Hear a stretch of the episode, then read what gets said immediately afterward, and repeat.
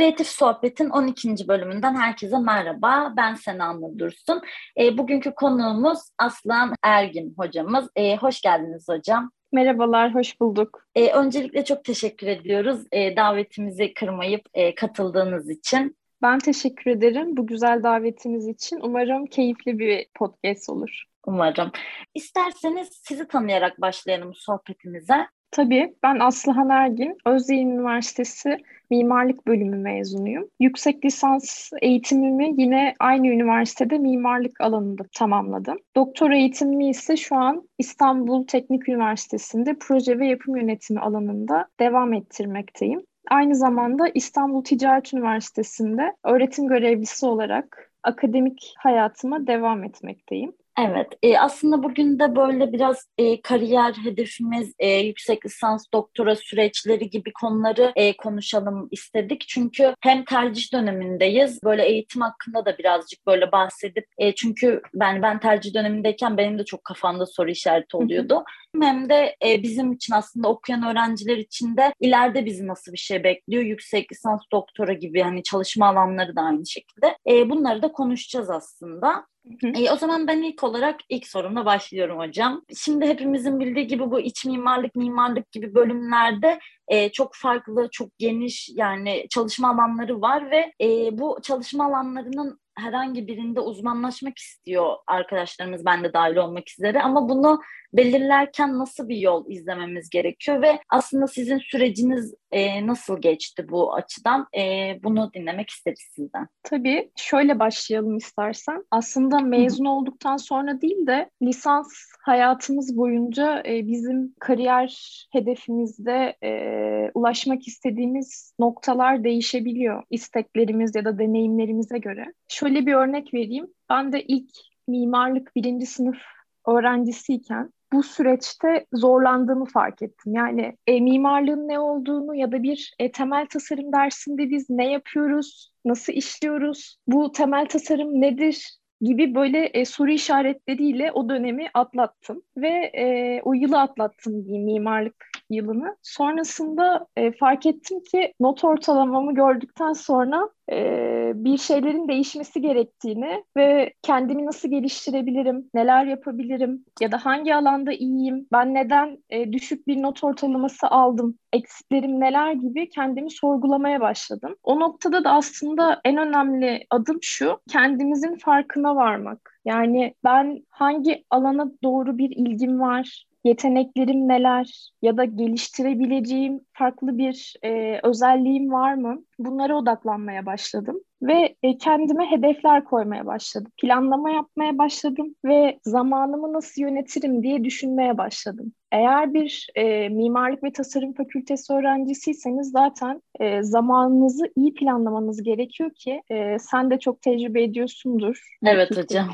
e, evet sınıfta, kütüphanelerde sabahladığımız zamanlar e, çok fazla oluyor ya da çok vakit harcadığımız zamanlar. O doğrultuda da kendi programımı oluşturmaya çalıştım. Hedefler koydum. Her döneme dair kendi e, başarımın üzerine nasıl çıkabilirim? Bir başkasıyla e, yarışmak değil ama kendi performansımı nasıl arttırabilirim diye düşünmeye başladım. Bir diğer noktada şu, kendimi nasıl ifade edebilirim diye düşünmeye başladım. Yani özel bir üniversitede okuyordum ve İTÜ gibi işte ODTÜ gibi mimarlık bölümleri öğrencileriyle nasıl yarışabilirim? Kendimi onlara nasıl e, şeyde sıralamada yer edinebilirim diye düşünmeye başladım. İlk olarak dediğim gibi e, kendimi nasıl ifade edebileceğimi araştırmaya çalıştım. Bunu haftalarımla ifade edebilirdim edebilirdim. İşte konuşmamla, sunum tekniklerimle ve e, benim hayatımdaki dönüm noktalarından biri de şu olmuştur. E, derslerde bize bizlere işte haftalarımız hakkında genelde yorumlar yapılıyor. Bu yorumlarda da bir dersi geçebilmem için benim e, çok mükemmel bir hafta yapmamı istemişti bir hocam. Ve e, ben o gün hiç unutmuyorum. E, Photoshop programını hiç bilmiyordum. Nasıl ifade edeceğimi bilmiyordum. Ve o gün ben 18 saat boyunca kütüphaneden çıkmadığımı söylüyor arkadaşlarım.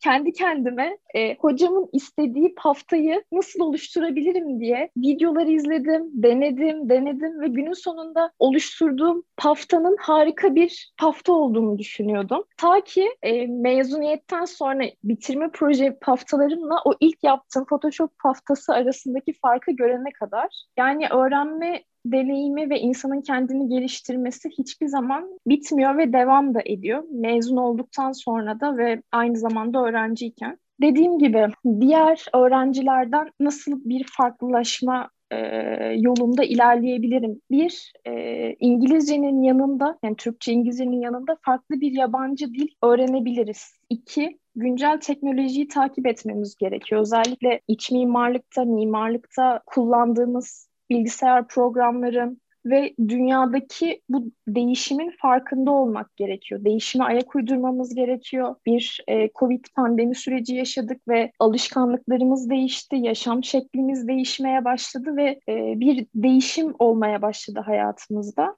Ve bu da aynı zamanda sadece kendi hayatımıza değil mimarlıkta da aynı şekilde devam etmeye başladı ve bunu da öğrenme ile, deneyimleme ile değişimi e, var edebiliyoruz.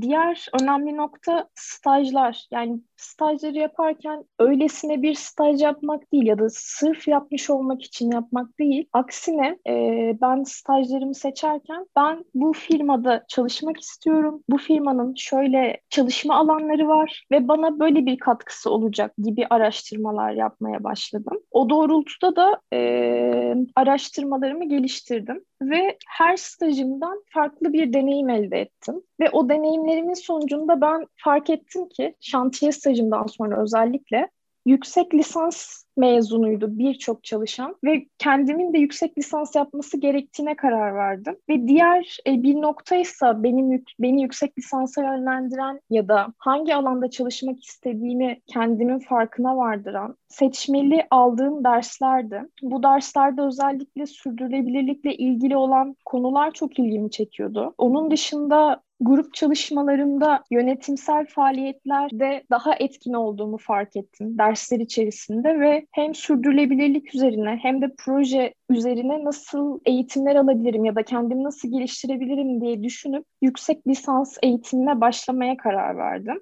akademik devam etmemi sağlayan en önemli noktalardan biri de şu. Ben yüksek lisans yaparken hatta e, daha da geriye gidersem mezuniyet projemi sunduktan sonra çok sevdiğim bir hocam bana paftalarımı gösterip e, çok beğendiğini ifade etmişti. Ve sonrasında da e, bana proje derslerinde öğrencilerine e, sunum teknikleri, proje ifade teknikleri üzerine eğitimler verebilir misin diye sormuştu ve ben bir süre sonra proje derslerinde ihtiyacı olan öğrencilere yardımcı olmaya başladım. Böyle sunumlar yapmaya başladım. Sonra fark ettim ki bu bana iyi geliyor. Kendimi iyi hissediyorum. Ee, birilerine bilgilerimi paylaştığımda, öğrenme deneyimi yaşadığımız zaman hem ben onlardan öğreniyorum hem onlar benden öğreniyorlar. Bu noktada da e, benim için e, dönüm noktalarından biri haline gelmeye başladı. Aynı zamanda yüksek lisans yaparken asistanlık da yapmaya başladım, derslere girmeye başladım ve gitgide beni e, akademiye doğru yönlendirdi bu süreç. Bunları söyleyebilirim. Biraz uzun oldu ama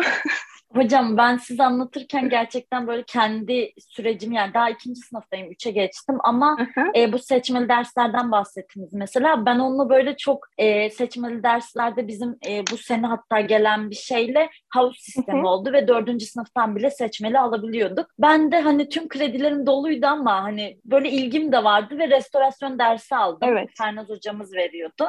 Evet. Ve o, yani o kadar bayılı bayılı gittim ki derslere. E, gerçekten hani o konuda yüksek lisans yapıp böyle kendimi geliştirmek istediğim bir alan olduğunu aslında o ders sayesinde öğrendim. Sonra hocalarımla konuştum. Stajımı içinde hani bir restorasyon e, stajımı yapsam gibi bir düşüncem de vardı. E, o yüzden böyle hani e, okuldayken biraz böyle sizin de söylediğiniz gibi kendimizi keşfetmek, o seçmeli dersleri hani evet bunu alayım, bu boştaymış diye almak değil de hani e, bana ne katabilir ya da benim bu alana ilgim var mı gibi düşünerek almak çok daha yararlı oluyor. E, ben de onu eklemek istedim. Söylediğinizde aklıma geldi direkt hocam. Bir de şu ee, var, e, evet. lafını kesiyorum ama yalnızca derslerle değil ve akademik başarıyla değil, aynı zamanda sosyal olarak da kendimizi geliştirmemiz gerekiyor. Sadece akademik başarı bizim e, hangi alanda uzmanlaşmak istediğimizi e, göstermiyor. Örneğin workshoplara katılmak, farklı disiplinlerden öğrencilerle bir araya gelmek, o grup çalışmasını deneyimleyebilmek, e, iletişimi güçlü tutabilmek e, ve böylelikle de bizim farklı alanlarda neler yapıldığına dair e, günceli takip etmemizi sağlıyor. Bir de yine diğer e, söyleyeceğim şey sen de çok içindesin kulüplerde bulunma. Evet. Sadece e, kulübe bir kulübe üye olmak değil de e, o kulübün içerisinde sen nasıl bir görev üstleniyorsun, e, ne yapıyorsun, hiçbir etkinlik düzenledin mi, böyle bir deneyimin var mı? E, bu sorular bile, bu tecrübeler bile seni farklı bir bakış açısıyla farklı bir noktaya getirmeye başlıyor. O yüzden mimarlık ve tasarım alanında pek çok farklı disiplinlerle e, bir arada da çalışma fırsatı buluyoruz. Ve bu doğrultuda bizim tüm bu akademik olabilir, farklı bir işte sektörde bir e, kariyer hedefimiz olabilir. Bunların şekillenmesine katkı sağlıyor. Evet hocam bu kulüplerde yer almak o sosyal aktiviteler ya benim eğitim hayatıma da kişisel olarak gelişmeme de çok etkisi oldu. Çünkü ben e, jürilerde bile çok fazla heyecanlanıp ve Hı-hı. bizim bölümümüzde insanlarla hep iç içe olup sunumlar evet. yaptığımız ya bir şeyleri kabul ettirmek istediğimiz bir e, alan aslında ve e, yani hani ilk sunumumu düşünüyorum mesela. Sonrasında bu işte etkinlikler düzenleyip söyleşilerde işte moderatör olmak konukla bir şeyler hatta bu podcast da aynı şekilde. Hani ben asla yapabileceğimi düşünmediğim bir şeydi. Sunuculuk yani konukla konuşmak ama yavaş yavaş kendimi geliştirdiğimi hissediyorum ve bu e, proje sunumlarıma da yansıyor tabii ki. Çünkü artık hani topluluk önünde konuşabiliyorum ki hiç yapamayan biriydim ve bunu da hani sık sık dile getiriyorum e, çünkü bence böyle olan birinci sınıf hazırlık arkadaşlarımız da var. Çünkü ben birinci Hı-hı. sınıfta öyleydim. E, o yüzden böyle kulüplerde yer almak, aktiviteler, farklı bölümler de olabilir. Sadece mimarlık, mimarlık gibi değil de hani evet. e, herkes bir şey katabilir ve e, o bakış açısında görmek, deneyimlemek, onlarla bir şeyler paylaşmak da çok değerli. E, o yüzden kulüplere katılalım arkadaşlar. Tabii Gerçekten ki. çok yararlı oluyor. E, sen de bu arada kendini çok güzel ifade ediyorsun. E, onu da e, söylemek isterim. Evet, teşekkür ederim ee, hocam. E, hocam isterseniz yani alanları konuştuk aslında. Biraz daha bu yüksek lisansla e, doktoranın aşamalarını da o süreci hani az çok biliyoruz hepimiz evet ama e, bunlardan da böyle bahsetsek e, güzel olabilir. Tabii. Şimdi e, yüksek lisanstan başlarsak eğer, yüksek lisans ta öncelikle öğrenci kendi uzmanlaşmak istediği alana karar verdikten sonra bu alanla ilgili e, yüksek lisans programları nerelerde var? Hangi üniversitelerde ya da hangi ülkelerde, e, Türkiye'de ise hangi illerde, bu alanda en iyi hocalar hangi okullarda bu doğrultuda bir araştırmaya başlayabilir. Bu araştırmaları da üniversitelerin kendi web sayfalarından yapabilir. Bu üniversitelerin yüksek lisans başvuru şartları üniversite tarafından alınan kararlara göre değişiklik gösterebiliyor. Ama genel olarak e, baktıkları değerlendirdikleri kriterler şunlar. Bir, bizim bir ALES puanımızın olması gerekiyor. Akademik personel ve lisansüstü eğitimi giriş sınavı olarak açılımını söyleyebiliriz. ALES puanının belirli bir sınırı oluyor. Üniversiteler o sınırları açıklıyor. Şu kadar puanın altındaki öğrenci başvuramaz gibi. Diğer önemli bir nokta bizim bir yabancı dil puanımızın olması gerekiyor. Bu puanları sağladıktan sonra sizler e, üniversitelere başvuruyorsunuz. Başvuru dönemleri genellikle e, güz ve bahar dönemleri için oluyor. Yarı dönemde de giriş yapabiliyorsunuz. O başvurular sırasında da ee, yine not ortalamanıza, ALES puanınıza, yabancı dil sınavınıza bakarak e, bu kriterler, değerlendirme kriterleri değişebilir. Bazen sadece ALES'e ve yabancı dil sınavına da e, bakılabiliyor. Bir mülakata alıyorlar size. Kaç öğrenci varsa. Devlet okullarında sayı daha fazla olabiliyor ve bazen tüm gün e, mülakat sırasında bekliyor olabiliyorsunuz. O mülakattan sonra da bu arada mülakata referans mektuplarınızla geliyorsunuz. Bunlarla birlikte iç mimar, mimar e, ya da tasarımın farklı alanlarından geldiğiniz için bizim kendimizi anlatacak bir portfolyomuzun ve özgeçmişimizin olması gerekiyor. Bunlar çok önemli noktalar. Özgeçmişte de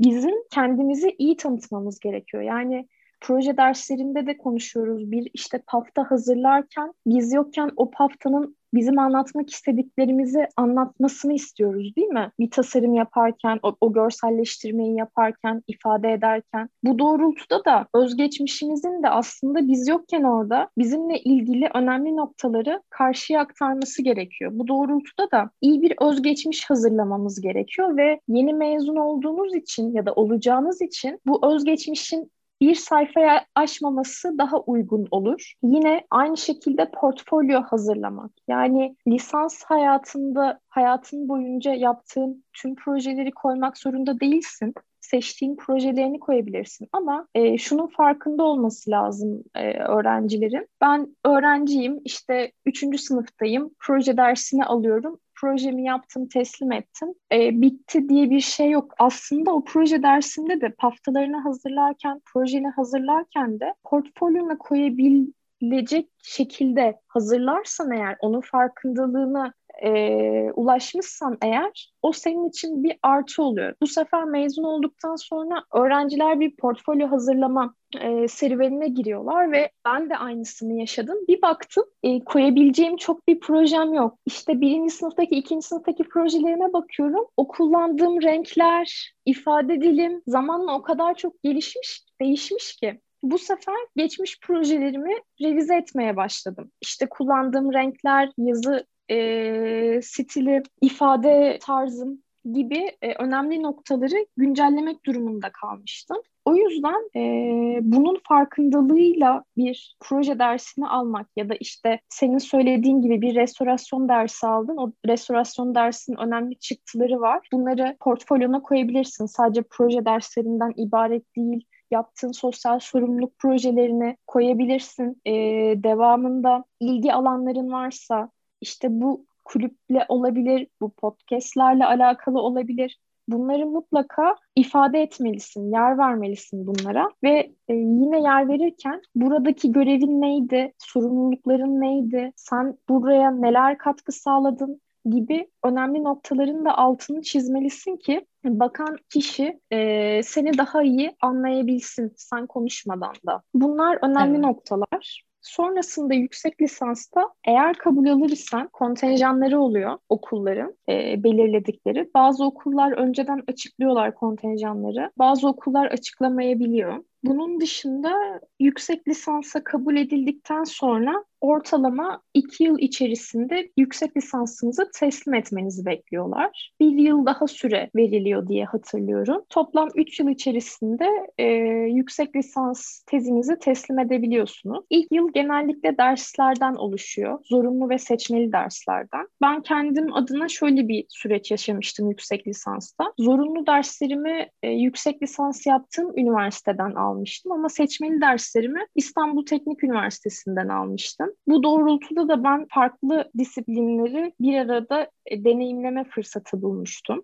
Hem benim için faydalı olmuştu kendimi geliştirme açısından hem de e, doktoraya devam etmek istediğim için oradaki hocaları tanıma, e, oradaki ortamı görme fırsatı elde etmiştim. Bu benim için keyifli bir deneyim olmuştu. Sonrasında da bu tüm derslerinizi tamamladıktan sonra bir e, tez yazma süreciniz oluyor danışmanınızla birlikte. Diğer noktada da doktorada da benzer şekilde yine yüksek lisans not ortalamanızla başvurabilirsiniz ya da lisans not ortalamanızla başvurabilirsiniz. Bu noktalarda da e, farklılıklar gösteriyor istenilen belgeler ya da puanlarda. Yine ALES puanınız ve yabancı dil puanınız olması gerekiyor. Eğer yüksek lisans puanınızla başvurduysanız yine almanız gereken zorunlu dersler ve seçmeli dersler bulunuyor ve bunların belirli e, süreleri bulunuyor. O süre boyunca onları tamamlayıp sonrasında da bir doktora yeterlik sınavına giriyorsunuz ve eğer geçerseniz tez dönemine geçebiliyorsunuz. Ortalama verilen süre doktora için 4 yıl ancak e, artı 2 yılda e,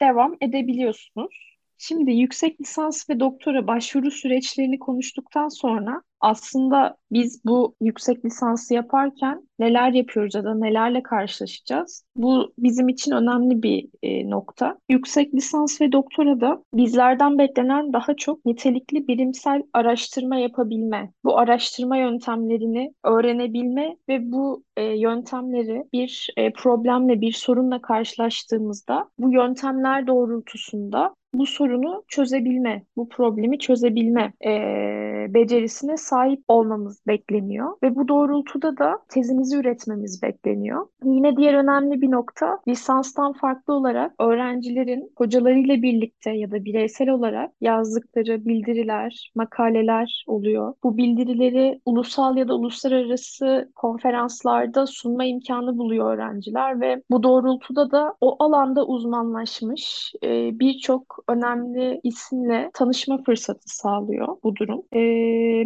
başka bir soru, şöyle bir soru gelebilir örneğin. Tezli mi, tezsiz mi e, yüksek lisans yapmalı ya da bunların arasında nasıl bir fark e, var? Daha önce anlattığım gibi tezli yüksek lisansta bir e, tez önerisiyle birlikte bir tez üretmeniz bekleniyor. E, derslerinizi aldıktan sonra. Ancak tezsiz yüksek lisansta yine aynı süreçte derslerinizi aldıktan sonra bir proje üretmeniz bekleniyor ve bu proje e, kapsamı teze göre daha az oluyor ve daha kolay süreçte bitirebiliyorsunuz. Hatta e, teslim süresi de teze göre daha kısa olabiliyor birçok okulda. Ve şunu unutmamak lazım karar verirken. Eğer bir e, doktora eğitimine devam etmek istiyorsanız tezsiz yüksek lisans yaptıktan sonra direkt doktoraya geçemiyorsunuz. Ancak tezli yüksek lisans yaptıktan sonra doktoraya geçebilirsiniz. Bu e, noktayı da unutmamak lazım ve göz önünde bulundurmak lazım. Önemli bir diğer nokta ise şu. Mutlaka ve mutlaka İngilizcenizin iyi olması gerekiyor. Çünkü araştırma yaparken ya da tezinizi yazarken sadece Türkçe kaynaklardan yararlanmak diğer farklı bakış açılarını e, görmenizi kısıtlayabilir. O yüzden İngilizce yayınları İngilizce kaynakları takip etmek ve bunlardan yararlanmak önemli. Hatta ve hatta bazı yüksek lisans ve doktora bölümleri full İngilizce eğitim dilinde oluyor. O yüzden hem tezinizi hem bildirilerinizi, makalelerinizi İngilizce olarak yazmak durumundasınız. Bu yüzden İngilizceye ağırlık vermek gerekiyor. Bu noktada da e, altını çizmiş olalım bu durumun.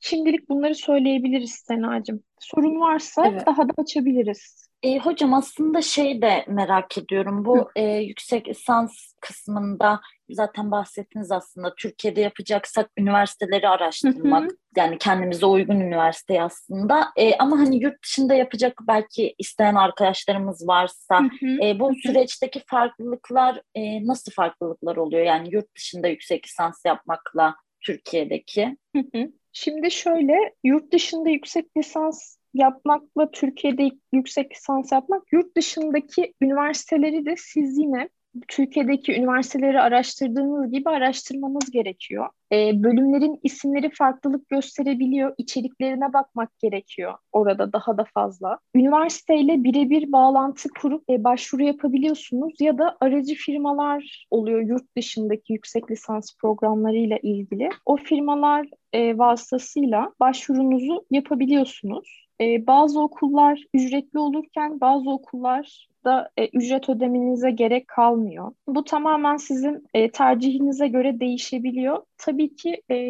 yüksek lisans eğitimi başvuracağınız ülkeye göre değişiklik gösterebilir. Her okulun e, ilgilendiği odak noktaları farklı olabilir. Bunlara dikkat etmek gerekiyor. Yani burada nasıl bir eğitim almak istediğinize karar vermek gerekiyor. Yine dediğim gibi yabancı dil önemli bir nokta. Hatta e, İngilizce eğitim vermeyen, eğitim dili farklı bir dilde olan bir üniversiteye gidiyorsanız bunun öncesinde de bir dil eğitimi almanızı e, ön koşul olarak önümüze sunuyor üniversiteler. Bunlardan bahsedebiliriz. Evet aslında bizim çok iyi araştırmamız gerekiyor. Yani yurt içi de yurt dışı da olsa e, gerçekten hem kendi e, istediğimiz alana uygun Hı-hı. üniversiteyi bulmak, yurt dışında da koşullarını araştırmak, iletişim kurmak Hı-hı. yani bunlar önemli e, anladığım kadarıyla. E, portfolyo sürecinde ben stajı, e, bu dönem stajımız vardı ve ben e, staja başvurmak için portfolyo hazırlamıştım ama sadece iki projem vardı yani ve sizin söylediğiniz şey geldi başıma hocam gerçekten. İlk dönem elle çizim yapıyordum ve hani evet. fotoğrafını çekip koyulabiliyor ama ne kadar profesyonel duruyor yani durmuyor gibi geldi gözüme ve tekrardan o projeye dönüp onu AutoCAD öğrenmiştim artık. AutoCAD'de çizip e, işte her şeyin böyle gerçekten düzenledim onu en baştan. Ya bir dönemde bile bu kadar e, geliştiğimizi hissediyorsak tüm sınıf olarak ben bunu hani fark ediyorum. Çünkü zaten hani birinci projeyi de birlikte aldık. Sunumlarda izliyorum arkadaşlarım da. İkinci projede hani artık gerçekten her şey biraz daha oturmuş oluyor. İşte dördüncü sınıfta bitirmede artık hani gerçekten ilk projelerimize baktığımızda ne düşüneceğiz hiç bilmiyorum. Gerçekten çok garip geliyor bana da. Gerçekten öyle. Ee, lütfen sen de dediğimi yap. Ee, before after'ları ilk e, paftanla son paftanı e, farklı bir deneyim oluyor. Evet hocam. E, evet, yüksek lisans doktora konularını e, konuştuk hocam ve e, aslında bayağı da detaylı konuşmuş olduk süreçleri de. E, ben aslında sona yaklaşırken e, bir soru daha sormak istiyorum. Böyle daha genel e, bir soru olacak ama e, başta da bahsettik. Biraz daha böyle öğrencilik hayatımızda e, kendimizi geliştirmek için e, bize öğrenci arkadaşlarımıza önerilerinizi de e, alabilir miyiz? Hı hı, tabii ki. Benim en büyük keşke geriye dönüp öğrenciyken yapsam dediğim en önemli noktalardan e, biri şu Erasmus. Yani lisans hayatınızda mutlaka Erasmus'a gitmeniz gerektiğini düşünüyorum ve böylelikle e, farklı disiplinleri e, disiplinleri deneyimlemiş oluyorsunuz. E, farklı öğrencilerle grup çalışması içerisinde bulunmuş oluyorsunuz. Farklı bir ülkeyi, farklı bir kültürü, farklı bir dili öğrenmeye başlamış ve deneyimlemeye başlamış oluyorsunuz ve ülkenize geri döndüğünüzde bu deneyimin size farklı bir bakış açısı kattığını fark edeceğinizi söyleyebilirim. Bunun yanında e, Erasmus olabilir, e, work and travel olabilir yaz aylarında. Bu sadece bir e, mimarlık ya da iç mimarlık alanında olmak durumunda değil. E, bu tamamen e, sizin kendinizi geliştirmenizle alakalı ve farkındalığınızı e, arttırmanızla alakalı bir durum. E, bu tavsiyeyi verebilirim. Mutlaka ve mutlaka e, öğrencilerin Erasmus deneyimini yaşaması gerektiğini düşünüyorum. Diğer bir nokta şu hep işte hedef koymaktan, planlamaktan, kariyer hedefimizin nasıl olacağını e, düşünmek, işte program yapmaktan konuşuyoruz. Ama bunun yanında e, plan yapmak çok önemli ama hayatımızda da e, çoğu şeyin planladığımız gibi gitmediğini de görüyoruz. Hepimiz bunu kendi hayatımızda da yaşıyoruz ve önemli olan bizim o an karşımıza çıkan fırsatlara açık olmamız gerektiği, bu fırsatların farkında olmamız gerektiği. Bazen öyle noktalar oluyor ki e, bu hayır bu hayatımın başıma gelmiş en kötü durum ya da işte şu işi bulamıyorum, e, başvuru yapıyorum, hiçbir firma dönmüyor ya da akademik olarak devam etmek istiyorum, hiçbir okula giremiyorum. Buna negatif bakmaktansa aslında karşıma benim böyle olması nasıl bir fırsat yarattı ya da nasıl bir fırsat doğurdu. Buna odaklanmakta fayda olduğunu düşünüyorum. Çünkü hayatta her şey bizim planladığımız gibi gitmiyor maalesef. Evet. Ee, bunu söyleyebilirim. Onun dışında bol bol e, sosyal aktivitelerde bulunması gerektiğini düşünüyorum öğrencilerin. E, evet. Sosyal sorumluluk projelerinde özellikle yine dediğim gibi kulüpler olabilir. Bu kulüplerde sadece e, üye olmak değil, etkinlikler içerisinde aktif olarak e, yer almak önemli. Bu size birçok farklı çalışma alanına da kapı açabilir dediğim gibi bahsettiğimiz fırsatlara da ve e, bir şekilde bir, bir süre sonra bizim iletişimimizi, ifade dilimizi, duruşumuzu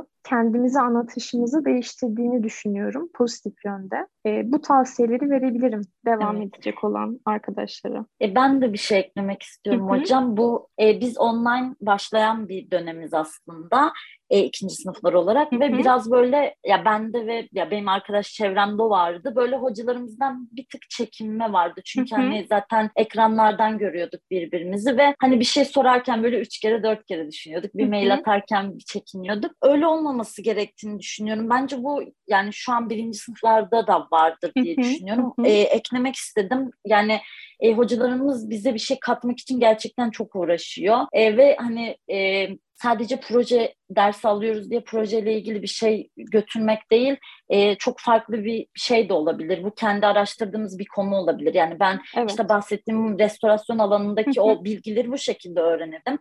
e, ya da aklıma şey geliyor mesela proje dersimizde ben sizin grubunuzdaydım hocam. E, böyle açıp e, pafta incelemiştik bir derste hatırlıyorsunuzdur evet. belki. O gerçekten böyle hani benim için şey evet ya bak bu paftalar böyleymiş senin böyle yapman gerekiyormuş. Hani oturup pafta konuşmuştuk ve ondan sonra böyle biraz daha pafta ne nasıl yapmam gerekiyor gibi e, böyle bir aydınlanmıştım gerçekten. O yüzden böyle hani sohbet etmekten bir şeyler sormaktan da çekinmememiz gerekiyor diye düşünüyorum. Ben çok çekinen bir insanım hocam. O yüzden böyle bunu et- eklemek istedim ben de. Evet zaten başarının e, temel noktalarından dikkat edilmesi gereken noktalarından biri iletişim. Yani evet. hem sizin kendi aranızdaki iletişim e, öğrenciler olarak ekip olarak ya da o stüdyo grubu olarak hem de e, o stüdyo proje yürütücüsünün e, öğrencilerle olan iletişimi çok önemli bir rol oynuyor. E, dediğim gibi proje dersleri dışında da bizlerle, hocalarla iletişim halinde olabilmek öğrenciye ve hocaya aynı zamanda çok büyük katkı sağlıyor e, çift yönlü bir iletişim her zaman başarının anahtarı olduğunu düşünüyorum. Bu hem lisansta hem yüksek lisansta da. Şimdi özellikle yüksek lisansta ve doktorada danışman hocanızla birebir baş başa kaldığınız için iletişiminizin de kuvvetli olması gerekiyor. İşte sen hocana ne, ne kadar zamanda bir mail atıyorsun ya da test çalışmanla ilgili yaptıklarını ne kadar zamanda bir hocana anlatıyorsun ya da bir toplantı yapıyorsun. Bu iletişim sıklığı önemli. Program yaparken işte zamanı planlarken ya da test sürecini planlarken bunları da göz önünde bulundurmak gerekiyor. Bu e, çok önemli bir nokta. Teşekkür ederim hatırlattığın için de. Rica Bu iletişim hocam. olmadığı zaman da kopukluklar başlıyor ve negatifleşmeye doğru gidebilir süreç. O yüzden iletişim her şeyin güçlü bir iletişim öyle söyleyeyim. Her şeyin anahtarı ve mimarlık ve tasarım fakültesinde de iletişim hoca ile öğrenci arasındaki çok önemli bir e, rol oynuyor ve öğrencinin başarısını da etkilediğini düşünüyorum. Motivasyonunu yüksek oranda arttırdığını düşünüyorum tüm derslere dair. Evet hocam kesinlikle. Ee, böylece aslında bu bölümümüzün sonuna da geldik. Tekrardan çok teşekkür ediyorum hocam. Ben e, çok keyif aldım bu sohbetten. Hem öğrenmiş oldum hem böyle biraz tartışmış da olduk işte e, ne yapmamız gerekiyor, neleri yanlış yapıyoruz gibi.